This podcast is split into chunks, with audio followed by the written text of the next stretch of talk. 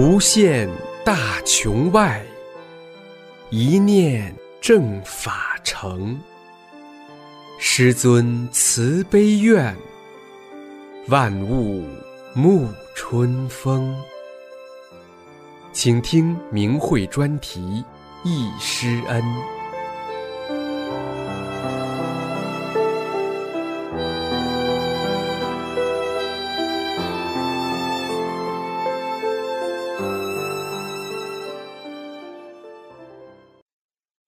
请听明慧忆师恩专题文章，题目是《大法红船展辉煌，佛恩浩荡救众生》。回忆师尊十二年前在大连传法。下面是这篇文章的第一部分。文章发表于明慧网，二零零六年三月二十八日。二零零六年三月是师尊到大连传法十二周年。我们一些老学员怀着无比崇敬的心情，回忆了师尊当年来大连传法的珍贵时刻。当年我们亲自聆听了师尊的谆谆教诲，亲眼目睹了师尊的风尘辛劳，亲身见证了大法的玄奥神奇，深深感受到师尊的宏大慈悲。一，师父指引我们走上大法修炼之路。寻师几多年，一朝亲得见，得法往回修，圆满随师还，见红颜，圆归圣果。每个大法弟子都有自己得法修炼的特殊经历，看似偶然，实则缘分所致，都是在师傅的指引下走入大法修炼的。我们一定要珍惜这万古机缘呐！一位学员谈到他入道得法。佛缘一直牵着我，从我懂事时起，学校教育和社会宣传往脑子里灌的全是唯物主义和无神论，还用精神鸦片、封建迷信等帽子来批判宗教信仰，阻止人们正信。然而，无神论的宣传和邪灵的破坏，不可能割断生命与上界的联系，也不可能抹杀人们的亘古佛缘和千万年的等待。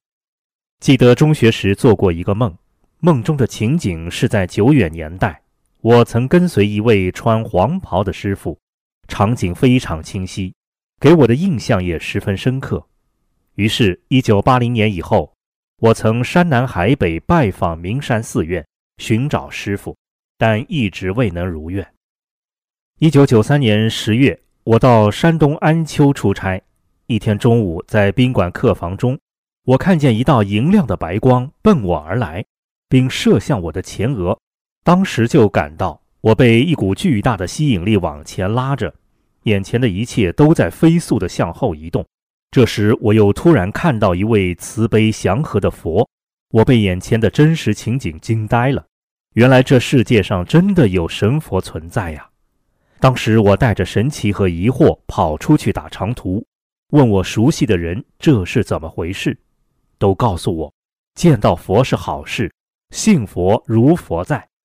这次亲眼见佛，对我头脑中的无神论和封建迷信等后天观念是一次大扫除。从那以后，我开始系统地读佛教经书，还背《道德经》。在气功高潮中，我还到不少气功班去寻找，但都失望而归。奇怪的是，无论我参加哪个气功班，总有一位大佛在我身边。佛很大很大，我只能看到佛脸的一部分。现在看来，当时是师傅的法身在看护着我这个迷途中的弟子。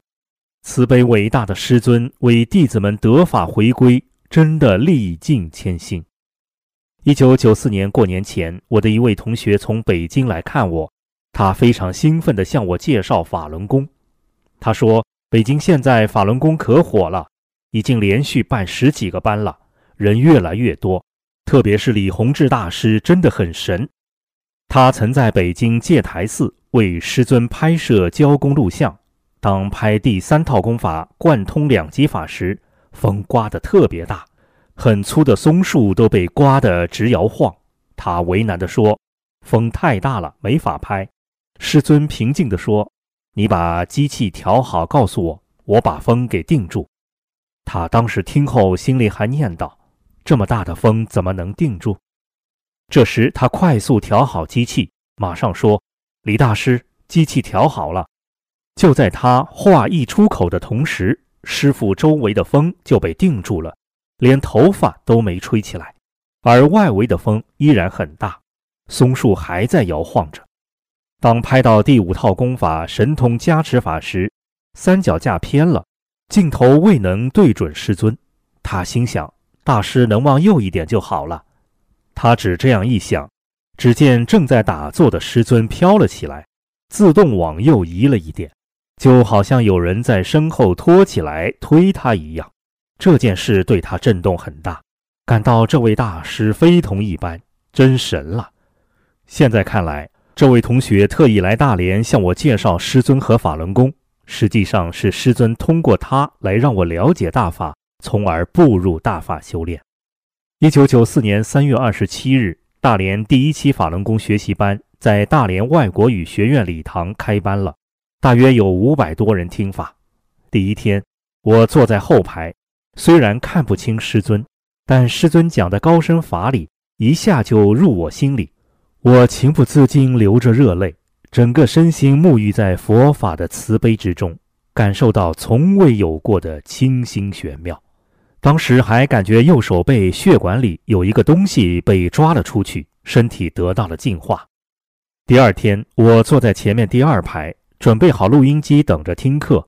一抬头，不知什么时候，师尊已经在讲台上了。这时我猛地一惊。这不是我在安丘见到的大佛吗？这是多少年的寻找，多少代的期盼呀！热泪夺眶而出，边听法边流泪，怎么也控制不住。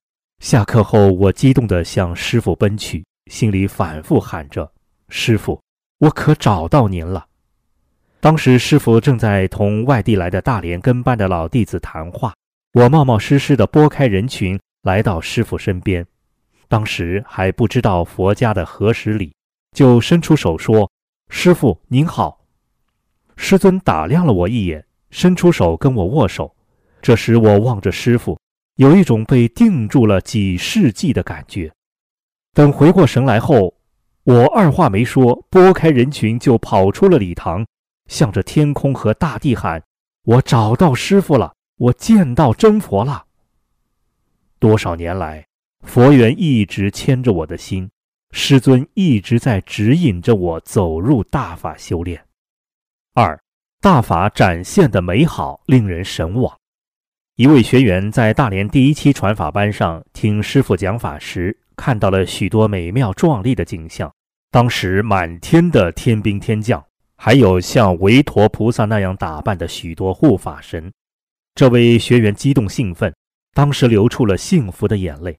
以下是这位学员回忆：师尊给予我们的全是美好。师父讲法深入浅出，博大精深。过去我曾看过一些经书，也练过一些其他功，从来没有听过这么深刻的法理。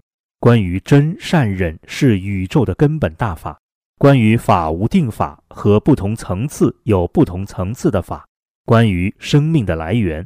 关于修炼心性和生命境界提高等等，都是我闻所未闻的法理。其他的功法从来没有把人和人生讲得这么明白，更没有把生命和宇宙讲得如此深刻。师傅讲的话句句是天机，使我心灵震撼。师傅讲的理字字是天理，直接打入我的心灵深处。这样一部高德大法。绝不是其他气功和修炼法门能够同日而语的。听了师傅的讲法，使我心里变亮，心胸开阔，生命越来越大，境界越来越高，真是神奇的功法呀！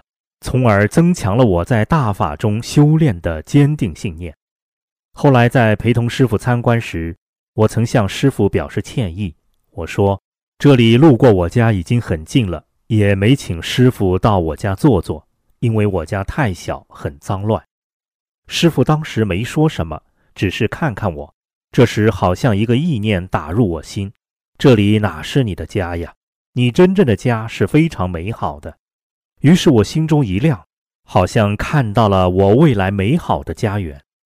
和师尊在一起的时候，我就像孩子一样，什么都讲，什么都问，无论什么问题，师尊都会给我一个满意的答案。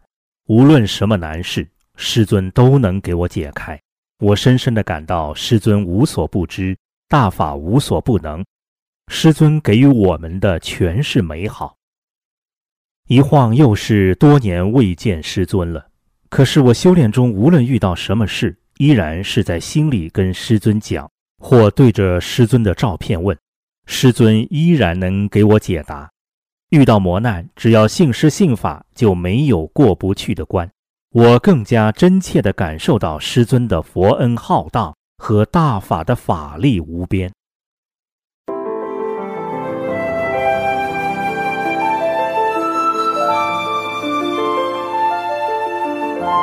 您现在收听的是明慧专题《忆师恩》。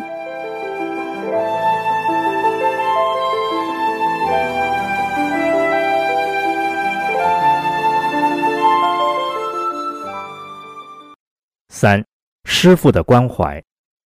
说到师傅对弟子的关怀和照顾，大连弟子有说不完的话。一，师傅知道我家的情况。一位学员回忆。在师傅来大连办第二期传法班时，我是工作人员。一天在讲法休息时，师傅亲切地问我：“怎么样？生活有困难吗？”我当时一愣，心里纳闷儿：师傅怎么知道我家的经济情况呢？我告诉师傅没有。师傅接着问：“能行吗？”我说：“能行。”当时我已经眼含热泪了。师傅又亲切地对我说。够吃够用就可以了，这句话对我触动太大了。我知道这既是对我的深切关怀，又是指导我修炼的重要法理。师傅在告诉我，修炼人不是为了当人，要修出世间，成为觉者，返本归真，在世间只是小住几日，对世间的一切都要看淡，不能执着，够吃够用就可以了。这句话一直铭刻在我心中，一方面使我面对困难心不动，一直保持乐观的心态，同时也一直指导我精进实修，放下执着。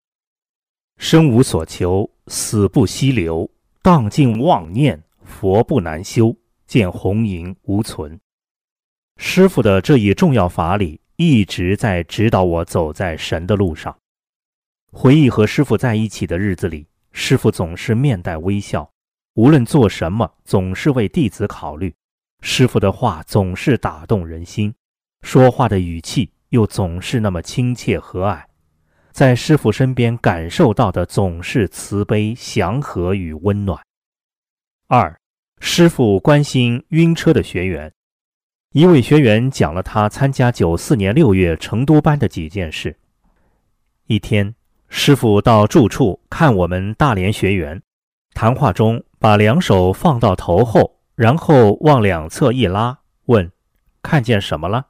我们说：“只看见一道红光。”师傅告诉我们：“你们回去要好好修，你们的原因都多大了，好好修吧。”一天，我们同师傅一起乘车外出，天下小雨，道路泥泞，车被淋得很脏。当车停时，只见师傅先下了车，亲自去擦车窗和车身的泥水。学习班结束，将离开成都时，我们同师傅依依不舍地告别。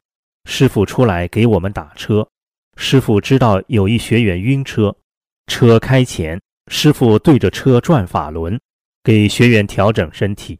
师傅对弟子就像自己的孩子一样，真是无微不至。件件小事都深深地打动着弟子的心，充分体现了师傅的慈悲和对众生的关爱。三，此后我的心脏病再没犯过。一位学员回忆说：“师傅第一次来大连传法时，我同师傅谈到了我的身体情况。我说，我浑身上下全是病，什么风湿性心脏病、颈椎病等等。”我已经死过去好几次了，师傅当时并没有说什么。不一会儿，师傅起身从我身后经过时，对着我在空中抓了一把，就出去了。回来后，师傅问我有什么感觉，我说没什么感觉，就是腿有点热乎乎的。此后，我的心脏病再没犯过，也没吃过一粒药。后来在六月份的成都班上，师傅见我还亲切地问：“好了吗？”我感激地说：“好了。”师傅当时还鼓励我：“你的悟性还挺好。”在成都班期间的一个下午，师傅亲自在前面教功时，好像有人在我的颈部啪地拍了一下。我回头一看，并没有人。我立刻明白，这是师傅的法身在给我调整身体。从此，我的颈椎病再没犯过。我从原来的全身都是病，到无病一身轻，这是师傅的慈悲救度。帮我净化的结果，我亲身感受到佛恩给我的幸福，真正体会到了大法给我带来的美好。四，师傅帮助我去不吃肉的执着心。一位学员说：“我从小不吃肉，长期形成一种观念，不能吃肉，很长时间没有认识到这也是人的观念。有一次到北京，师傅特意请我们吃烤鸭。”我坐在那里，心里犯嘀咕，不想吃。师傅知道我在想什么，为了去我的这一人心，师傅亲自用饼给我卷了鸭肉，递给我，说：“你吃吧。”师傅给的，我得吃呀。结果也吃下去了。从此以后，我也能吃肉了，但并不执着。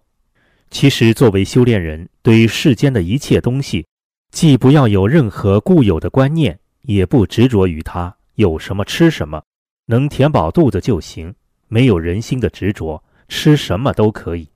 过去以为吃肉是个执着，对肉有反感而根本就不吃，其实也是一颗人心，不带任何人的观念，随其自然才是修炼人的状态。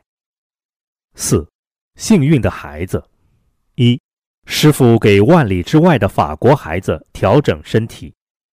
一九九四年七月。师傅在大连办第二期传法班时，我看到师傅给身在万里之外的一个法国小孩调整身体的不可思议的神奇事。当时法国一个小孩得一种病，既不能动也不能说话，整天躺在床上，就像植物人一样。全家为治好他的病到处寻医，均无办法。后来到教堂祈祷，请求主的帮助。神告诉他们。这孩子的病，他也没有办法，只有正在中国传的法轮功能治。于是，孩子的爷爷和父亲不远万里来到北京，四处打听法轮功。有人告诉他们，法轮功师傅李洪志大师现在正在大连传法。他们又马上赶到大连，找到了李老师。首先，他们向李老师讲述了孩子的病情和症状。师傅问他们是否带来孩子的照片。说没带来。这时，师傅让他们想一下孩子的形象。他们一想，师傅马上就知道了孩子的各种信息。这时，就看师傅在桌子旁，用双手在空中画出一个孩子的形象，然后就像拔丝一样的动作，用手从画出的孩子身上往出抽，抽一下就用双手将其掰碎，然后再抽再掰。经过几次之后，师傅停下来，告诉两个法国人：“孩子好了，没事了。”当时没有手机，无法与法国家人联系。他们回到住处后打了电话，家人说：“你们怎么才来电话？今天早上八点左右，只见一道金光从外面进来，直射到孩子身上。不一会儿，孩子就睁开了眼，说：‘妈妈怎么了？’接着。”孩子又会动了，又能下地走了。孩子的妈妈非常高兴。得知孩子立刻痊愈的消息，两位法国人惊喜万分，一再向师傅表示感谢，并同师傅一起照了相。照相时，他们信奉的神在墙上也显现了出来。这件事再次使我感受到了师傅的慈悲和无所不能的神通。二。痴呆的孩子立刻变正常了。师傅慈悲，挥手间痴儿换心颜。一位学员讲了师傅来大连第三次传法后离开时发生的一件事。他说，一九九四年十二月三十日，师傅在大连体育馆做讲法报告，有六千人参加，是师傅在国内最后一场，也是人数最多的一场讲法报告。第二天，我们几位学员到机场送师傅，当时师傅正准备办理登机手续。这时，有一位学员领着一个小孩匆匆地赶来，想见师傅。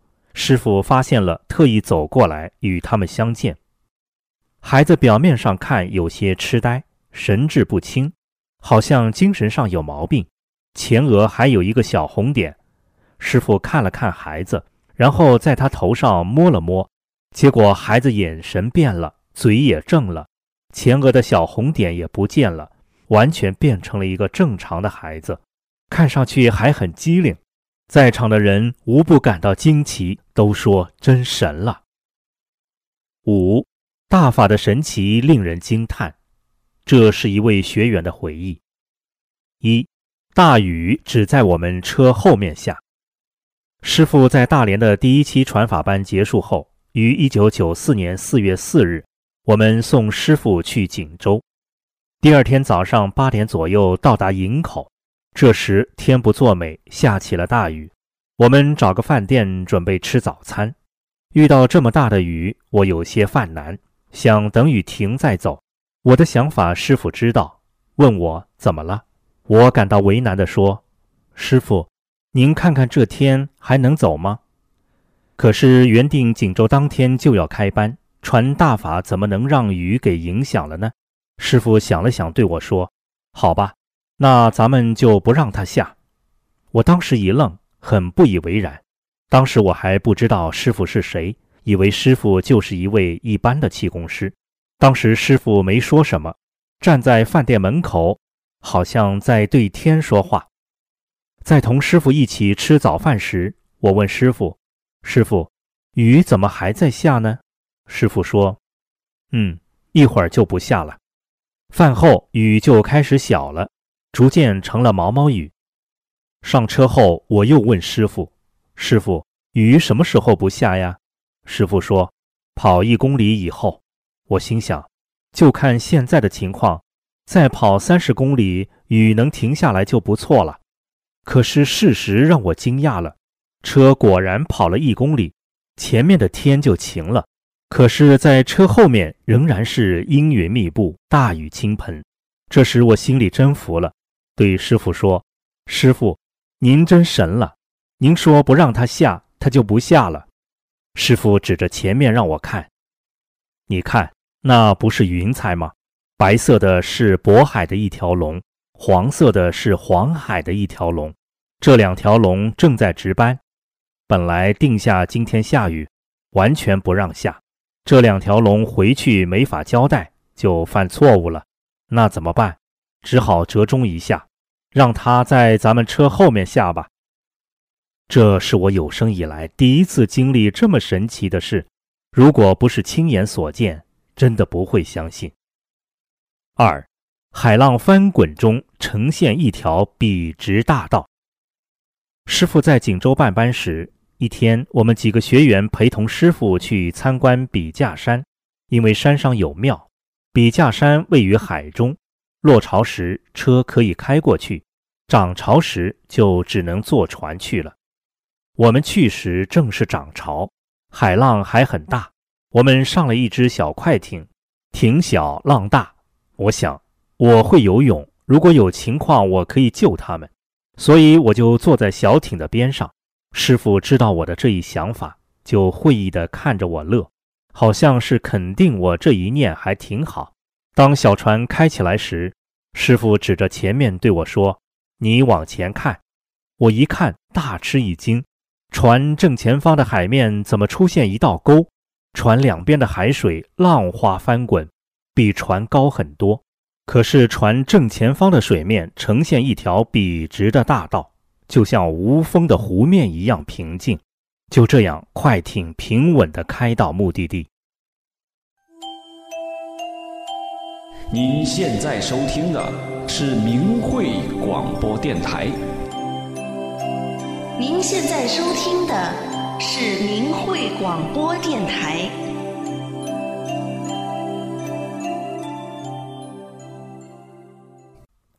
六，师傅帮助弟子改变人的观念。一些学员回忆师傅参观旅顺古迹的情景。一，师傅什么都知道。一九九四年七月七日，师傅来到旅顺黄金山下的唐朝古迹红炉井旧址。当时担任导游的是一位老旅顺人大法学员，他很认真地向师傅介绍说。据史料记载，这里是唐朝开元二年（公元713年），鸿胪大夫崔新出使途中，在黄金山下挖的两口水井，其中一眼井已被埋没，不知位置。现在能看到的只是石碑下面的这眼井。有民间传说，大禹治水时，一条害人的蛟龙被锁在这井里，并在井盖上写着。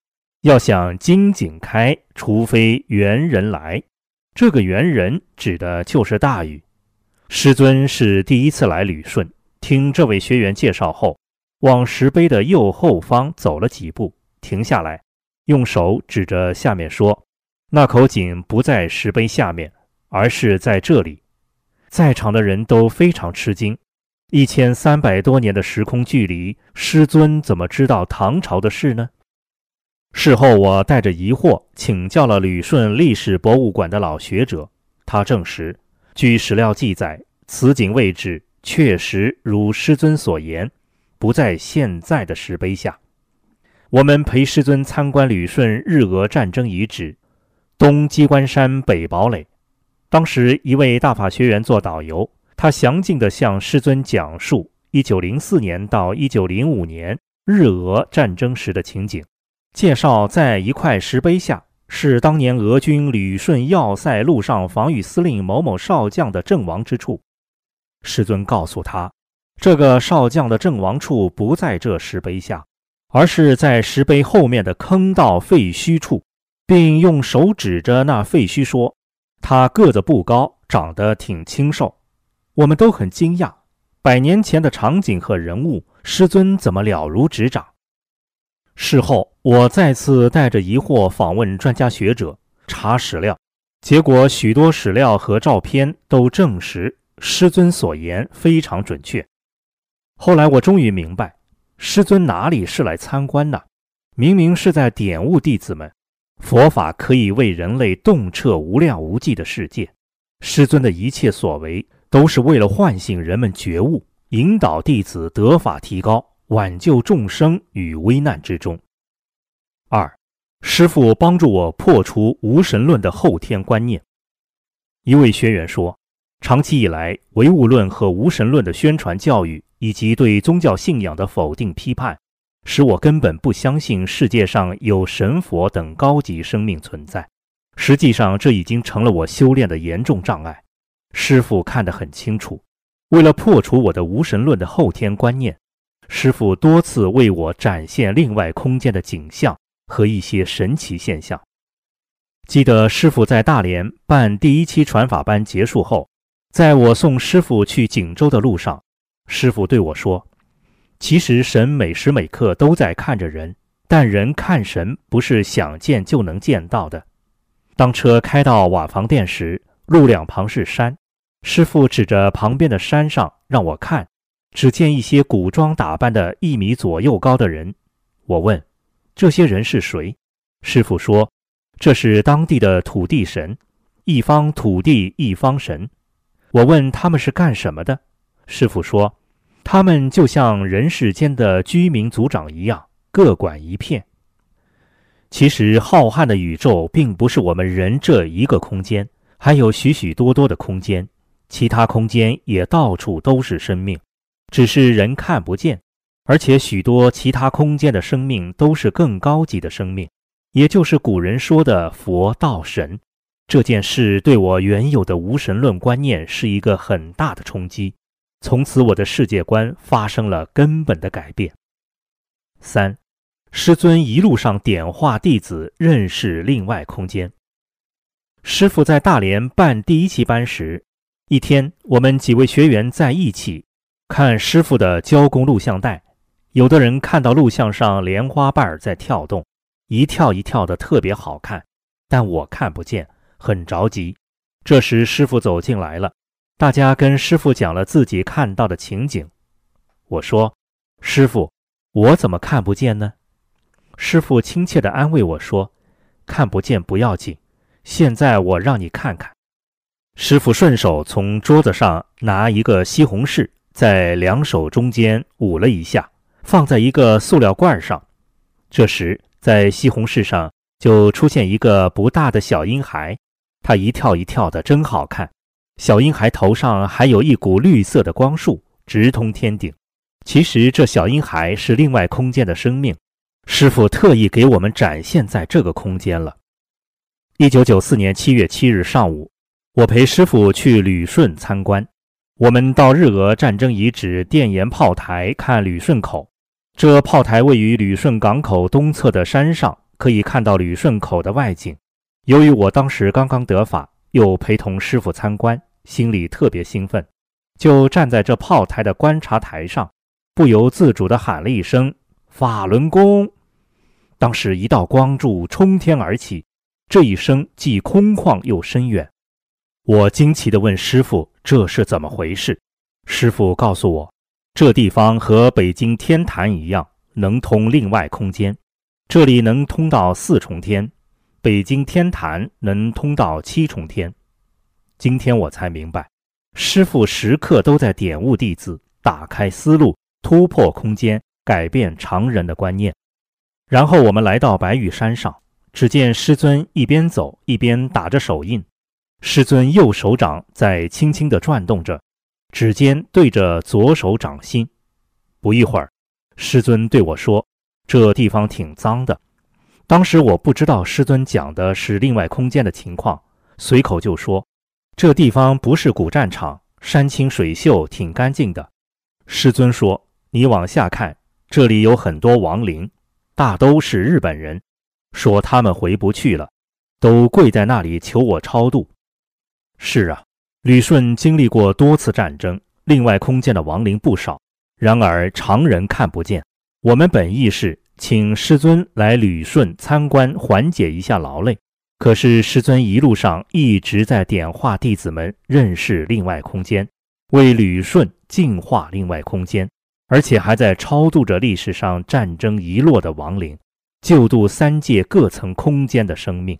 师尊确实太辛苦了。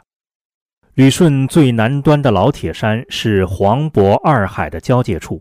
只见师尊站在崖边的平台上，面向黄海海面，右手掌心向上，手指轻轻地往上引导，慢慢将一个亮晶晶的光球托起在右手上。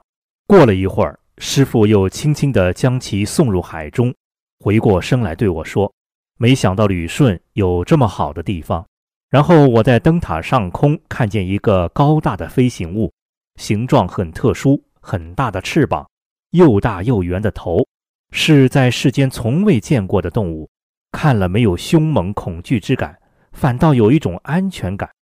我问师尊是什么，师尊平静地说：“那是我的护法。”我又兴奋地问：“那边天空站着的高高大大的是谁？”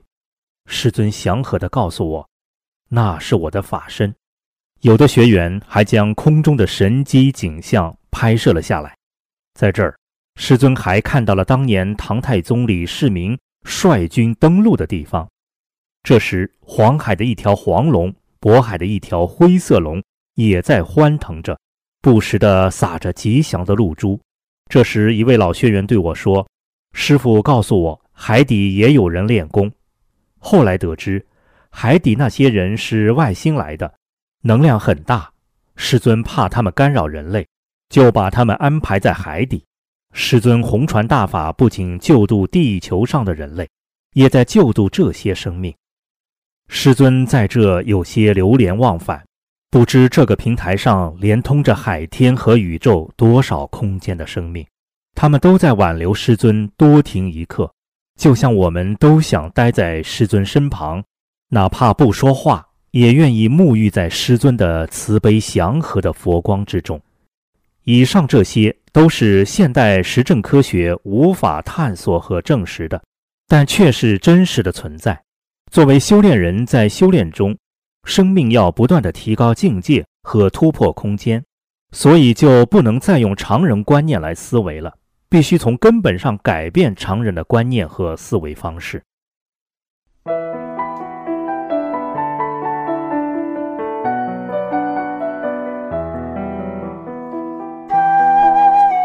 您现在收听的是明慧专题《易师恩》。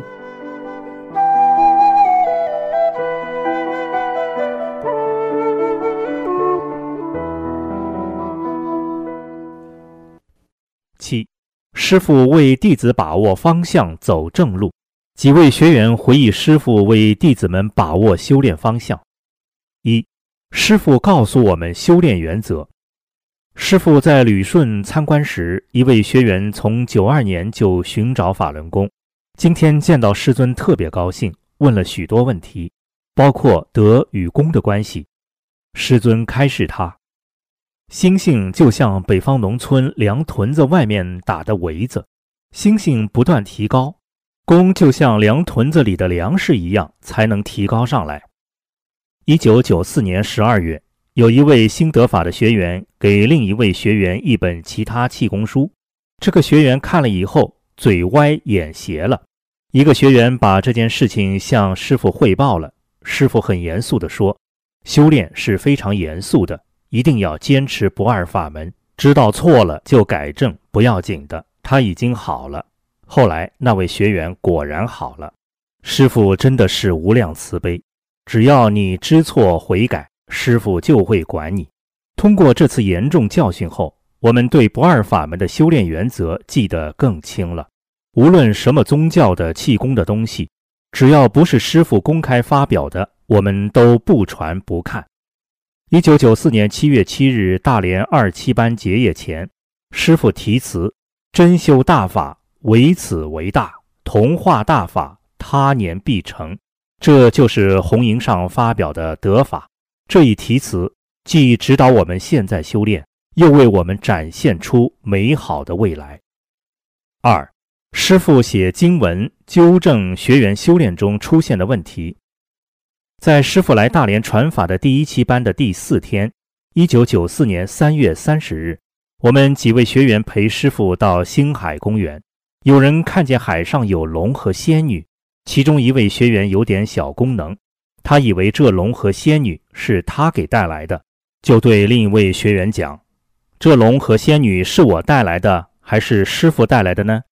师傅知道了这件事，对我们讲：“修炼人不要追求功能，要学好法，要修好自己。”接着，在海滨的沙滩上还写下了“功能本小数，大法是根本”这十个大字，让我们牢记。这就是红营上发表的题词。求证法门。一九九六年，大连有些学员请外地的一位老学员来帮助教功。这位老学员告诉大连学员，练功动作有的一步到位，有的不是一步到位。他教功时还把动作分解开来，很显然同师傅教的不一样。一九九六年五月，师傅来大连时得知这一情况，就写了一篇经文。并发给了北京研究会，这就是《精进要旨》上发表的金刚经文。虽然是在个别学员修炼出现问题时发表的，但针对的却是带有一定普遍性的问题。八师傅鼓励我们精进实修。师傅在大连第二期传法班于一九九四年七月一日到八日，在大连机车体育馆举办。开班时打出的大法轮能量很强，五光十色。两位学员代表全体大连大法弟子向师尊敬献一面法轮功光芒万丈的锦旗。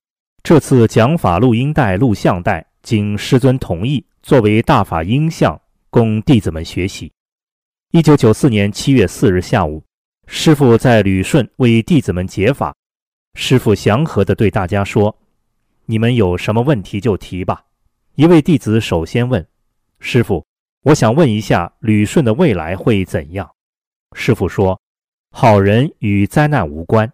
我今天做的这件事，就是来救人的，就是让人同化真善人，返本归真，让人返回去，脱离危险境地。”师傅还讲了人类道德滑坡，就像那个烂苹果，你不让它烂都不行，你得真正让它从分子细胞转变成新鲜的才行。有弟子问国际关系方面的问题，师傅说：“我们不谈论政治问题，我们不参与政治，政治上的事与修炼无关，你们就只管抓紧时间实修。”一位学员跟师尊谈起修炼选址的事实，师尊开始说：“我们大法修炼选哪儿哪儿好，没有风水会带来风水。在旅顺，凡是师尊走过的道路。”后来都已翻新拓宽，凡是师尊去过的地方，那里都很兴旺，都有福分。一九九四年十二月三十一日，师尊又对旅顺弟子说：“你们要把学法摆在第一位，多背法。”师尊还告诉大家，集体学法这种形式很好，你们要抓紧时间学法实修。十二年前，我们刚刚踏入大法修炼的大门。当时认识还很低，体会也很肤浅，但是大法却使我们心灵震撼，身心巨变，生命有望，前程美好。我们深知，师父在大连传法，使我们与大法结缘，从而在大法中圆融同化。师傅的亲切教导，使我们沐浴在佛恩浩荡之中，从此走上了从人到神的修炼大道。聆听师傅讲法，使我们从梦中清醒，从而对自己和宇宙有了全新的认识。师傅的慈悲救度，使我们的身心得到净化，从而生命境界不断升华。十二年后的今天，我们越来越清醒地认识到，大法弟子的修炼根本不同于以往个体生命的修炼圆满，这是同宇宙正法联系在一起的正法修炼。是肩负伟大使命的修炼，是锤炼宇宙大穷的修炼，是开创未来的修炼。师尊在宇宙正法，弟子随时开创未来。大法弟子，你们是浊世的金光，世人的希望，助师的法图，未来的法王。精进吧，世中的觉者，现在的一切就是未来的辉煌。见贺词。大法弟子为法负责，正实大法，救度众生，这是大法弟子存在的真正意义，也是感谢师恩的最好表达。走正你们的路，才是正师法。大连大法弟子一定遵照师尊的教导，做好大法弟子应当做的三件事，在正实大法中正念正行，发挥大法弟子的风貌，展现大法的辉煌。为未来开创大法圆融、金刚不破、永世长存之路。